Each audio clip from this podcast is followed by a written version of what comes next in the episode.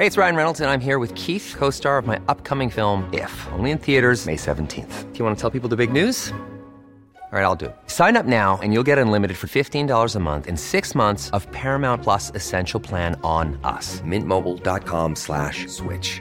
Upfront payment of $45 equivalent to $15 per month. Unlimited over 40 gigabytes per month. Face lower speeds. Videos at 480p. Active Mint customers by 531.24 get six months of Paramount Plus Essential Plan. Auto renews after six months. Offer ends May 31st, 2024. Separate Paramount Plus registration required. Terms and conditions apply if rated PG. Hey, I'm Ryan Reynolds. Recently, I asked Mint Mobile's legal team if big wireless companies are allowed to raise prices due to inflation. They said yes. And then when I asked if raising prices technically violates those onerous two year contracts, they said, What the f are you talking about, you insane Hollywood ass? So to recap, we're cutting the price of Mint Unlimited from $30 a month to just $15 a month. Give it a try at mintmobile.com slash switch. $45 upfront for three months plus taxes and fees. Promo for new customers for limited time. Unlimited more than 40 gigabytes per month. Slows. Full terms at mintmobile.com. I'm Sandra, and I'm just the professional your small business was looking for. But you didn't hire me because you didn't use LinkedIn jobs. LinkedIn has professionals you can't find anywhere else, including those who aren't actively looking for a new job but might be open to the perfect role, like me. In a given month, over 70% of LinkedIn users don't visit other leading job sites. So if you're not looking on LinkedIn, you'll miss out on great candidates like Sandra. Start hiring professionals like a professional. Post your free job on linkedin.com/people today. Helt siden de første menneskene slo seg ned i Trøndelag, har det blitt observert underlige lys over Hessdalen. Fenomenet har blitt forsøkt bortforklart som syner sett av bygdetullinger og deliriske hallusinasjoner forårsaket av den lokale drikkekulturen. Men det skulle vise seg at fenomenet stakk langt dypere, når Hessdalen-fenomenet fikk verdensomspennende oppmerksomhet i ufo-miljøet på 1980-tallet. Fenomenet er fremdeles der, og det er fremdeles like uforklarlig som den gang. I 2024 kommer en podkastserie i seks deler, produsert av Project Hessdalen, som kanskje en gang for alle skal finne svar på hva som rører seg på himmelen i denne bortgjemte dalen i Trøndelag. Serien har som seg hør og bør fått tittelen A Blaze in the Northern Sky, og den kommer til din favorittpodkastavspiller i 2024.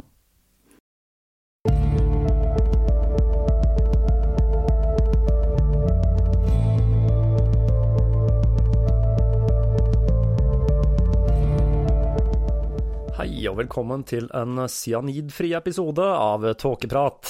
Jeg heter Even, og når jeg tar opp denne episode nummer 27, så er det søndagen 4. juni 2017.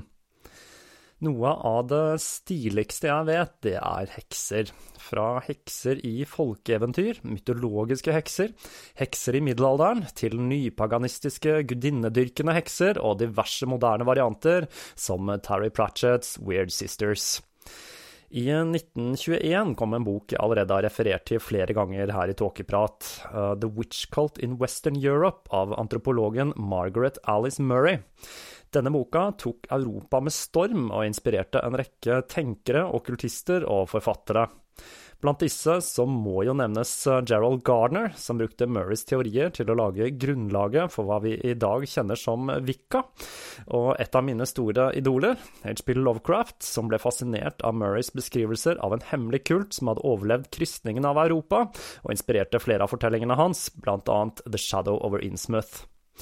Dessverre så er Murrays teori om den dianiske kulten i stor grad tilbakevist, men til tross for dette så er det fremdeles noe vakkert og mystisk med denne boka, som har inspirert så mange, og som jeg helt sikkert kommer til å referere til i framtidige episoder av Tåkeprat. Jeg har bestemt meg derfor for å forsøke å lage et par episoder basert på Murrays bok, og dette blir da det første forsøket mitt på å lage en serie basert på en akademisk bok, og attpåtil en som snart kan feire sitt 100-årsjubileum. Murrays innfallsvinkel til materialet er nok litt preget av bekreftelsesbias, og hun har blitt beskyldt for å blande inn en del folketro og andre elementer i denne boka. Men jeg kan ikke la være å bli imponert over det enorme arbeidet hun har lagt i å samle data fra de europeiske hekseprosessene og systematisere disse i forhold til teorien sin. Dette er da den første av to episoder hvor jeg tar for meg Murrays teori på Murrays premisser, når jeg nå skal fortelle historien om den vesteuropeiske heksekulten.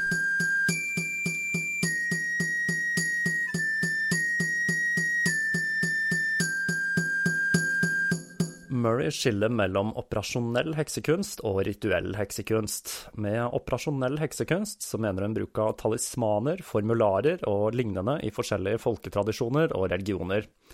Disse finnes spredt over mange ulike livssyn og kontinenter, og skiller seg fra den rituelle heksekunsten. Og den rituelle heksekunsten, som er det Murray snakker om i denne boka, er praksisen til den dianiske kulten. Dette er da en religiøs bevegelse som har sin opprinnelse i Europa i førkristen tid. Guden til denne religionen ble dyrket i klart definerte ritualer, og har sin opprinnelse i perioden før jordbruket oppsto, noe som kommer frem av datoene til de to største ritualene denne kulten holdt. Datoene til hovedritualene, 30. mai og 31. oktober, indikerer at de brukte en kalender som daterer før jordbrukssamfunnet, da disse datoene vil samsvare bedre med fruktbarhetsritualer for å øke bestanden av vilt, framfor ritualer for å fremme kornproduksjon osv. Denne kulten var høyt utviklet og like avansert som enhver religiøs praksis i dag, og praksisen til kulten ble etter hvert utvannet med innføringen av kristendom, og den fikk forskjellige uttrykk i forskjellige deler av Europa. Guddommen til denne religionen var inkarnert i en kvinne, mann eller et dyr, og antageligvis så var dyreformen den eldre versjonen, for senere vil mennesker ikle seg dyrehann for for å manifestere guddommen. Den feminine formen til navnet til denne guden er Diana, og blir funnet over hele Vest-Europa, og blir brukt om guddommen eller prest eller prestinnen til heksene. Og dette er grunnen til at vi kaller denne gamle religionen for den dianiske kulten. Som en siden, liten sidenote så er Diana da opprinnelig en jaktgudinne, men med senere utbredelse så ble hun tillagt egenskaper som måne- og fruktbarhetsgudinne. Organisasjonsstrukturen var lik over hele Europa, med noen små lokale forskjeller, med et råd av eldre, en prest eller en prestinne og en lærling som kunne lede ritualene om prestinnen ikke var til stede. Rollen til prestinnen i kulten er obskur. Hun kan ha vært en morgudinne som ble dyrket av kultens kvinner, men det ser ut til at når hun var erstattet av en mann, så ble hun overstyrt av han, og det var relativt sjeldent at guddommen ble manifestert i kvinnelig form, og vi kan anta at når guddommen ble manifestert på denne måten, så var det som en erstatning for den mannlige guden. I sin kvinnelige manifestasjon så ble guddommen identifisert som dronningen av feene, eller som alvedronningen. Ritene til kulten varierte etter behov, men hovedtyngden ser ut til å ha dreid seg om fruktbarhet. Sexritualer har fått en ufortjent stor plass i historien om heksene, mye av kristendommens oppheng i sex og kjønn. Selv om seremoniene i den senere tid kan ha degenerert til Bakkus-lignende orgier, så finnes det ingen bevis for dette, og de originale ritualene var seremonielle, magiske fruktbarhetsritualer. Det er ikke kjent hvor mye av innholdet i de senere ritualene som var en del av de opprinnelige ritene, og hvor mye som senere ble lagt til pga. kristendommen. Opptaksritualet for å bli med i denne kulten var intrikat og komplisert, og viser hvor høyt utviklet denne religionen var. Og blant andre ritualer så finner vi både fester og dans, som viser at dette var en religion som feiret glede og samhold på en måte som har vært svært provoserende for den puritanske kirken og inkvisitørene. Hvordan kirken valgte å håndtere hekser, varierte regionalt. I England var det vanlig med hengning, hvorpå liket ble brent og asken etterpå ble spredt. I Skottland ble heksene bundet til en stake, kvelt og så brent, og det finnes en rekke dokumenterte saker hvor heksene ble brent levende. I Frankrike, eksempel, så var dette standard straff for hekseri.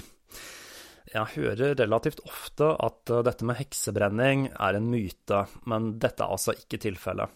Jeg tror nok dette i stor grad skyldes hekseprosessene i Salem, hvor heksene ble hengt og ikke brent, og siden disse da er spesielt godt kjent i USA, og det er skrevet veldig mye om de, siden de pågikk relativt sent og er veldig godt dokumentert. Med kristningen av Europa så snakker vi om kristningen av den øverste klassen i samfunnet. Folk flest holdt seg til de gamle skikkene, og hedensk tradisjon ble først tolerert, mens kristendommen strammet grepet mer og mer. Praksisen av hedensk tradisjon overlevde med festivaler som Maistangdansen i Sverige og en rekke andre avarter av de gamle praksisene. Om religionen som overlevde som heksekulten, er den samme som den gamle druidereligionen, eller om den er av enda eldre opprinnelse, er ikke kjent. Men vi vet at en slik kult eksisterte på de britiske øyene, og at denne kan ha spredd seg og overlevd, er ikke et utenkelig scenario. De tidlige historiske dokumentene som dokumenterer kristningen av de britiske øyene, var skrevet av kirkens egne menn, og det fremstår derfor som om kristendommen var den eneste religionen i de fleste av disse tekstene. Men det er noen hint om at det var andre religiøse bevegelser i området. Vi kan blant annet se dette i noen av de første skrevne lovene fra denne perioden. Og her er noen utdrag av de lovene som peker på overlevelsen til den dianiske kulten.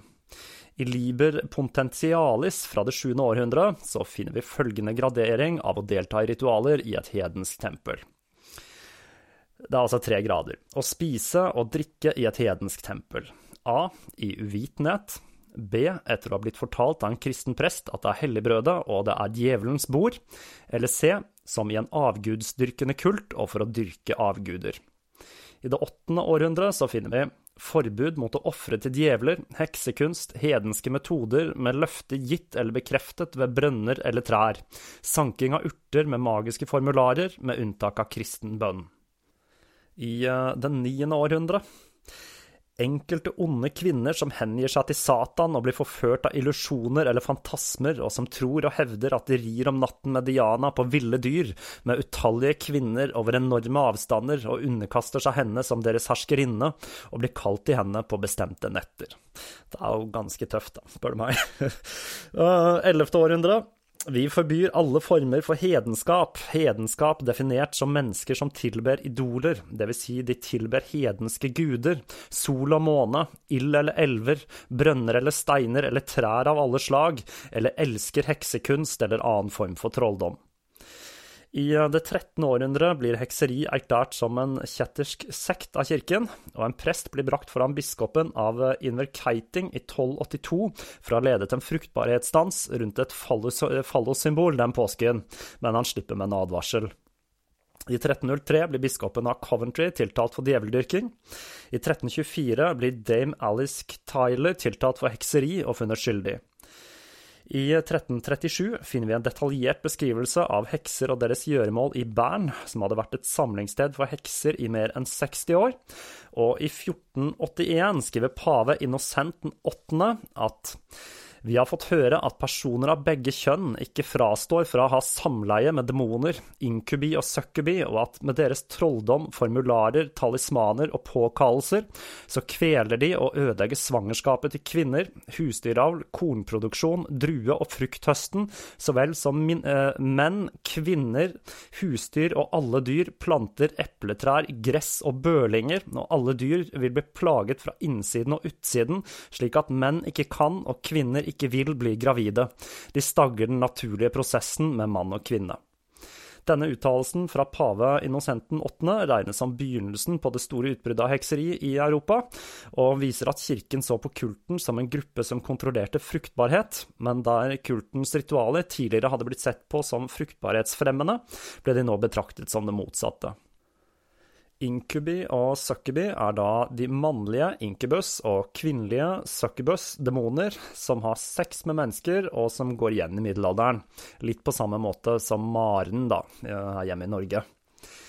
For å forstå heksekulten, så må vi først forstå lederen eller presten til kulten. De kristne skriverne beskrev han som djevelen, eller med andre navn som Satan, Lucifer, Belsebub osv. Dette var da ikke ikke et syn heksene selv delte. For de så var denne såkalte djevelen manifestasjonen og inkarnasjonen av Gud. De knelet foran han og ba til han, takket han og ofret til han. De dedikerte barna sine til han, og det er indikasjoner på at han, som mange andre guder, selv ble ofret for sine tilhengere ved behov. Det er også klart at eh, han ble ansett for å være guddommelig, noe som kommer fram i flere tilståelser under hekseprosessene. To argumenter som kan brukes mot å bruke tilståelsene som kilder, er at de blir gitt under tortur, og at inkvisitørene brukte den samme litteraturen og stilte ledende spørsmål. Her argumenterer Murray med at tortur ikke ble brukt før rettssakene i de senere årene i hekseprosessene, og i bl.a. England og Skottland var det svært sjeldent at det ble brukt tortur i det hele tatt, og at mange hekser tilsto frivillig og var villige til å dø for sin tro.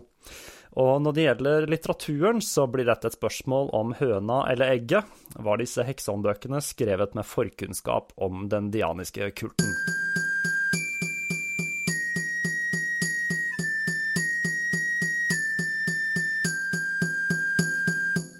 En heks i Yorkshire sa i 1664 at djevelen kom som en svart mann på en svart hest med kløvde føtter, og jeg falt på kne og tilba han.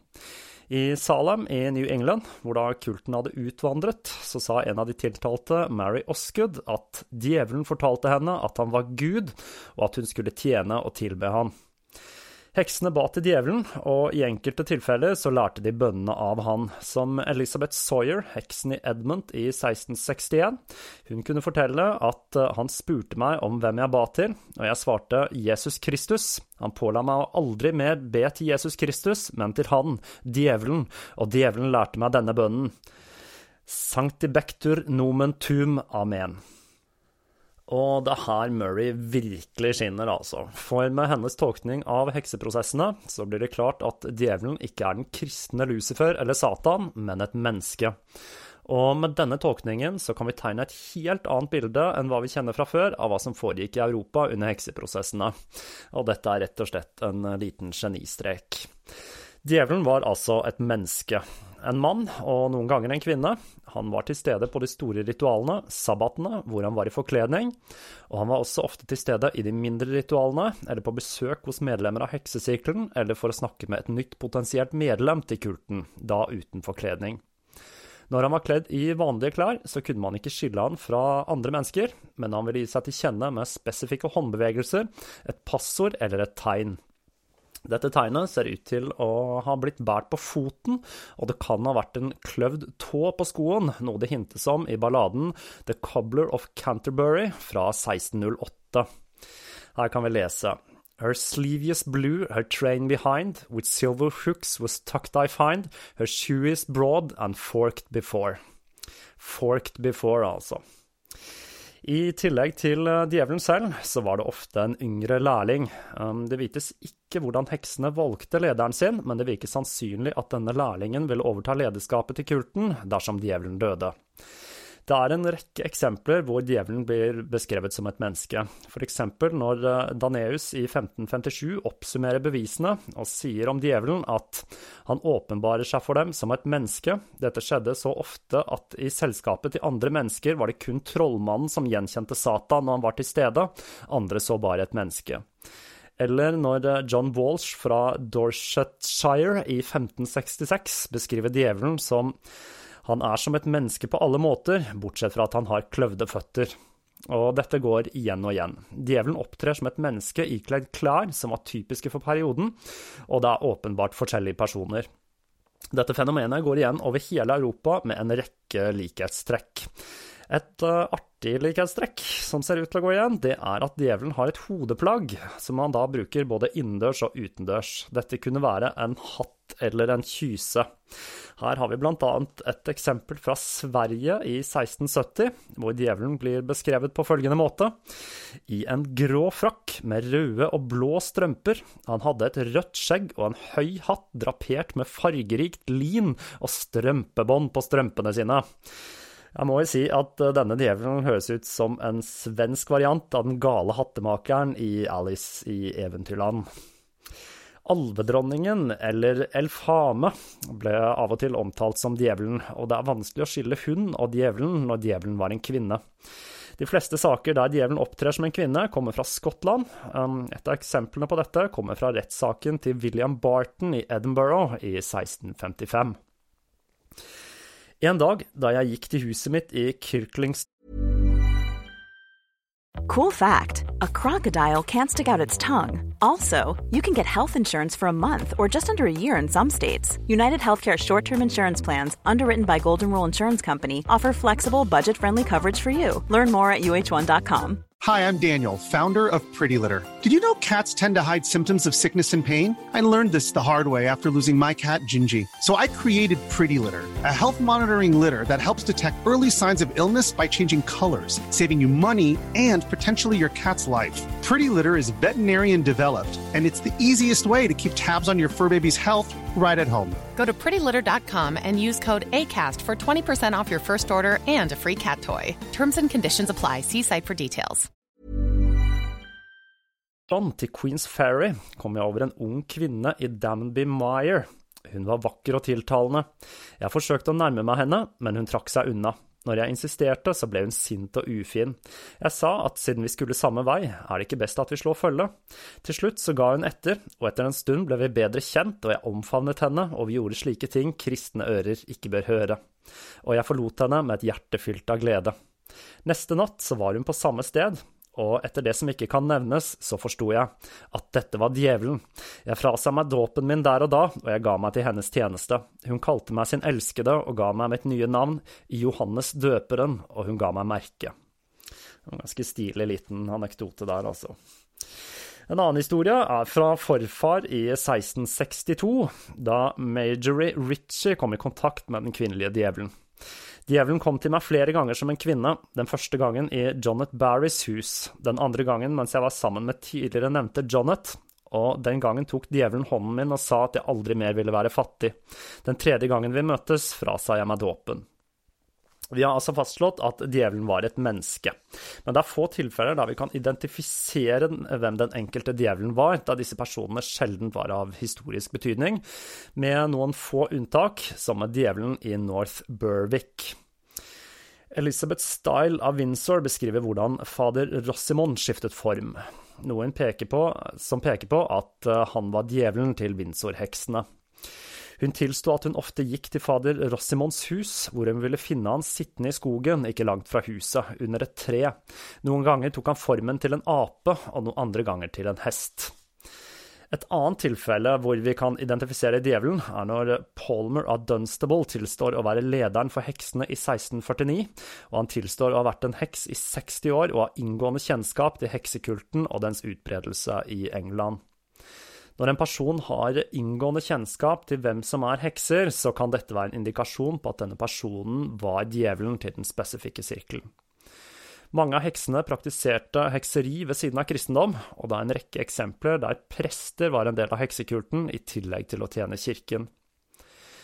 Major Veer i Edinburgh i 1670 ble beskrevet på en måte som samsvarer med de vanlige beskrivelsene av djevelen, og innflytelsen hans gir en pekepinn på at han kan ha vært djevelen i den lokale sirkelen. Han var høy og mørk og gikk alltid med kappe og bar på en stav.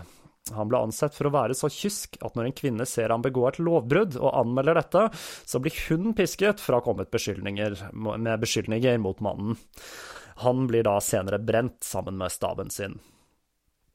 I mange religioner bærer presten eller guddommen en dyreforkledning. Dette er en eldgammel skikk, som vi kan se bl.a. i hulemalerier i Frankrike og i det gamle Egypt. Denne forkledningen henger sammen med fruktbarhetsritualer, og dyret presten forkler seg som, er et dyr som har en spesiell symbolsk betydning, eller det dyret som oftest blir ofret av gruppen som tilba guddommen. At djevelen var et menneske som forkledde seg enten i dyrehud eller med en maske, forklarer heksenes skildring om at han skiftet form. Det kan noen ganger være vanskelig å skille den forkledde djevelen fra heksens hjelpere, men i de fleste tilfeller så lar dette seg gjøre.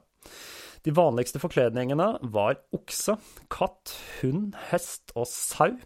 Geite- og saueformen finner vi kun i Frankrike, og djevelen forkledde seg selv aldri som hare, noe som er den formen vi forbinder med heksene selv, og heller aldri som padde, en form som er vanlig for heksenes hjelpere. I spesielle tilfeller finner vi også eksempler på djevelen forkledd som hjort eller bjørn. Heksene sa aldri direkte at djevelen var en mann i forkledning, men det er mange bevis som peker på dette. I noen tilfeller så var hele kroppen forkledd, og i andre så bar han kun en maske som dekket ansiktet.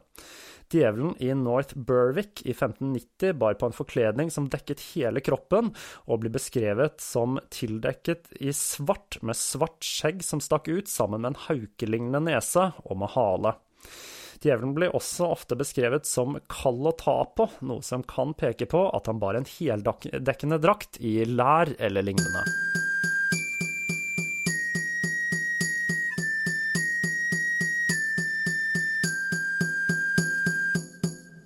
Opptaksritualet til kulten var i stor grad det samme over hele Europa, og fokuserte på kandidatens eh, tiltredelse i sirkelen etter egen fri vilje om å gi seg selv, kropp og sjel, til mesteren og sirkelens eh, tjeneste. Dette med fri vilje er et litt uh, artig poeng, for uh, vilje i esoterisk og magisk tradisjon er ikke det samme som vilje i ordinær forstand, og det kan jo peke på en link til disse tradisjonene. Dette med fri vilje og magisk vilje har bl.a. ført til en rekke misforståelser når det gjelder magi, og jeg tenker da spesielt på Crowley og den telemiske loven. Do what the will shall be the whole of the law. Love is the law, love under will. Dette blir ofte tolket som en slags uh, gjør det du har lyst til og drit i konsekvensene, noe som da er fullstendig feil. Crowley henviser her til den sanne viljen, som da enkelt forklart er individets sanne og magiske identitet og meningen med individets eksistens. Jeg er ikke sikker på hvor mye tilknytning Murray hadde til de esoteriske bevegelsene i samtiden, men jeg føler meg ganske sikker på at hun hadde kjennskap til disse tradisjonene, og så derfor viktigheten av dette med fri vilje. Opptaksseremoniene varierte også med kandidatens alder. Den som skulle innvies, ble merket med en eh, skarp gjenstand, men vedkommende fikk ikke ta del i de høyere mysteriene før fylte 21 år. Det finnes ingen beskrivelser av de videre initieringene, så vi kan gå ut ifra at kulten opererte med et slags graderingssystem. I Lille på midten av 1600-tallet så åpnet eh, Madame Bourgnon et barnehjem for vanskeligstilte unge piker. Etter noen år, i 1661, så oppdager hun at 32 av disse jentene dyrket djevelen og dro til heksesabbater. En av disse jentene, Bellot, som var 15 år gammel, fortalte at moren hennes hadde båret henne i armene til sabbaten siden hun var veldig ung, og flere av jentene fortalte lignende historier. Og siden jentene var svært glad i Madame Bonniot, så fortalte de etter hvert flere detaljer fra kulten. De fortalte at alle i kulten måtte gi djevelen sine barn, og når disse barna vokste opp, så måtte de gi djevelen sjelen sin og frasi seg dåpen og sin kristentro, og sverge troskap til han i en ekteskapsseremoni hvorpå kandidaten mottok merket. Dette med opptak av barn og spedbarn i kulten går igjen over hele Europa. For voksne så var opptaksritualene langt mer dramatiske, og de fulgte et fast mønster. Kandidaten måtte gi seg til kulten av egen fri vilje. Han eller hun måtte frasi seg sin tidligere religion, og måtte hengi seg med kropp og sjel til sin nye herre og mester. Seremoniene kunne holdes i private hus, på et møte i sirkelen eller på sabbaten. Den var lik for kvinner og menn, bortsett fra at menn stort sett ikke ble presentert for sirkelen. Dette var noe som skjedde noen ganger med kvinner, men ikke alltid. Om det var en introduksjon, så ble denne utført av personen som hadde introdusert kandidaten for kulten. Hun ble brakt foran djevelen, som spurte om hun ville bli hans trofaste tjener, og om hun ville frasi seg sin tidligere religion og ville dedikere seg til hans tjeneste. Etter eden ble gitt, så ble hun døpt i djevelens navn, og blant annet blant de skotske heksene så fikk de et nytt hemmelig navn som ble brukt i sirkelen. Det er ikke klart om personen som introduserte den nye kandidaten var en slags fadder, og om dette var en gammel tradisjon, eller om dette var en ordning som ble innført når hekseforfølgelsene tiltok, for å ha en som kunne gå god for vedkommende. Noen ganger ville kandidaten underskrive en pakt med djevelen, som ble underskrevet med kandidatens eget blod. Dette er et fenomen som ser ut til å dukke opp i de senere år, og denne kontrakten ble ofte vektlagt i rettssakene, da en kontrakt appellerte til dommere og rettsvesen. Denne kontrakten kunne være et pergament eller en bok som djevelen oppbevarte, og noen ganger så havnet den faktiske kontrakten i hendene på rettsapparatet. Det første eksempelet på dette det finner vi i 1453, når kontrakten til Guillaume Edelin Prior um, ble funnet på hennes person. Det kan oppstå litt forvirring her mellom merket heksene fikk på kroppen under initieringen, og merket heksene underskrev kontrakten med. Disse kontraktene gjaldt som regel livet ut, men enkelte ganger så kunne de gjelde for et bestemt antall år, hvorpå kandidaten kunne fornye pakten med djevelen. I hekseprosessene i Salem spiller Djevelens bok en sentral rolle, i noe som eh, ærlig talt grenser mot det komiske. De anklagde forteller at denne djevelen dukker opp med boken hvor han vil de skal skrive seg inn på en måte som for meg framstår nesten som en litt pågående dørselger, altså. Dåpsritualet det er uh, dårlig dokumentert, og er sannsynlig noe som ble innført med kristendommen. Vi finner ingen eksempler på dette i England, og kun noen få i Skottland. De tidligste eksemplene på denne dåpen finner vi på tidlig 1600-tall i Frankrike. De svenske heksene ble også døpt, og det var altså i denne seremonien heksene ble gitt sitt hemmelige navn. Heksens merke var et av de viktigste bevisene på at personen var en heks. Det er to typer merker. Det ene er det heksen ble gitt i innvielsesseremonien, og det andre er naturlig. Begge hadde det til felles at de skulle være immune mot smerte, noe som nok skyldtes inkvisitørenes bruk av lokalbedøvelse. Merket som ble gitt i seremoniene, var altså et lite kutt eller lignende. I Øst-Frankrike så var dette en harelabb eller en fot på venstre skulder. Dette er jo da en rasende god tatoveringsidé, spør du meg. Det naturlige merket det kunne være en ekstra brystvorte, utvekst eller lignende. Og det ble sagt at denne ble brukt til å mate heksens hjelper.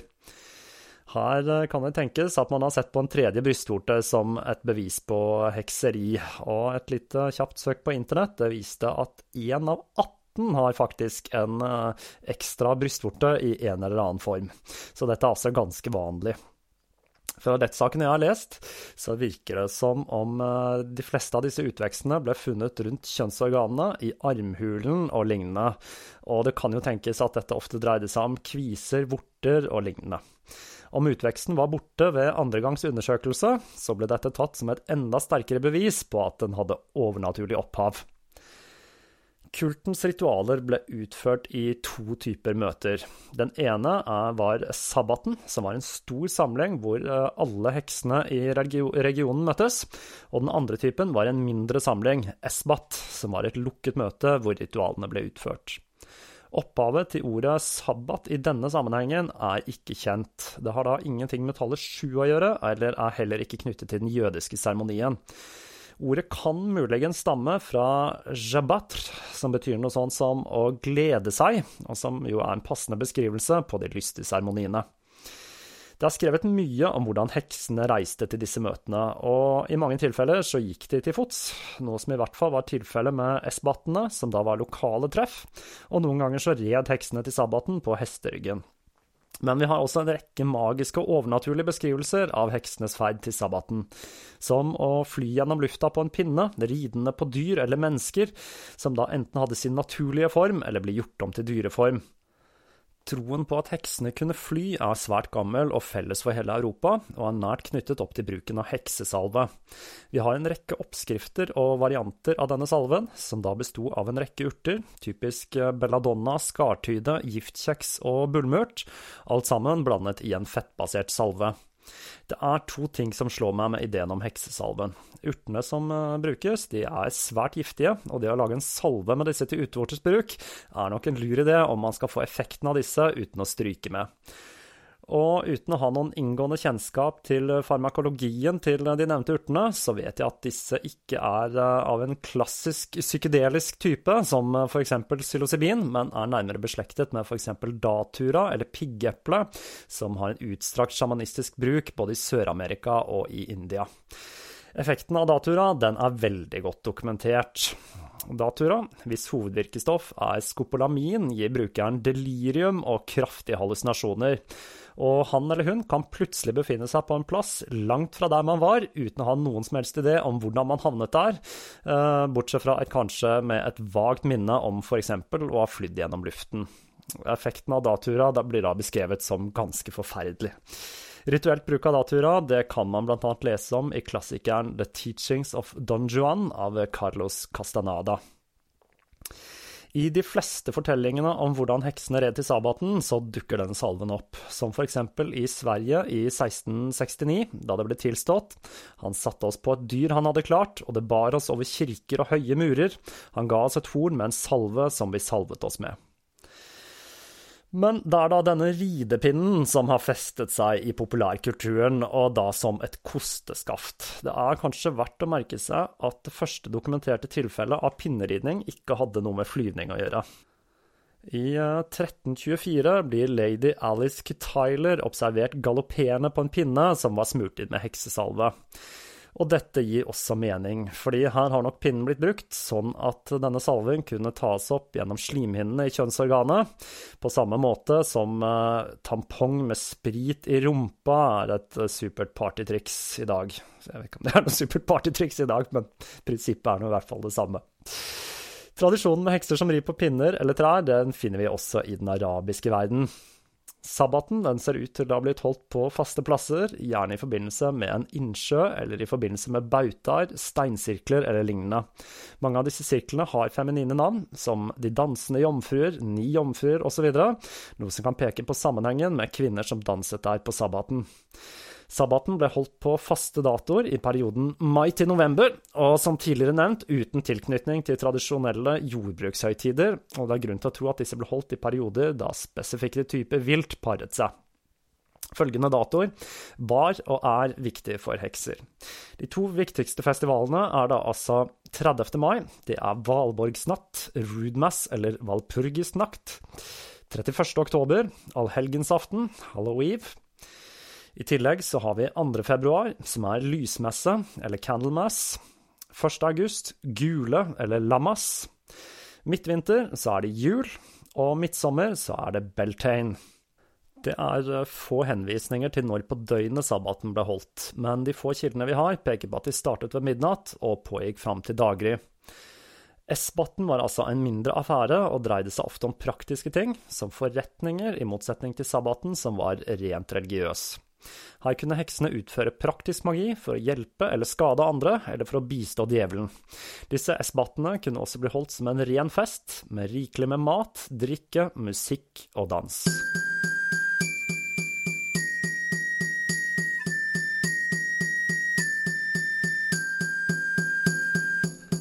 Så langt så har vi altså tegnet et bilde av en religion som overlevde i skjul etter kristningen, og som i den senere tiden tok til seg elementer av kristendommen og skled sakte, men sikkert bort fra sin egen opprinnelse.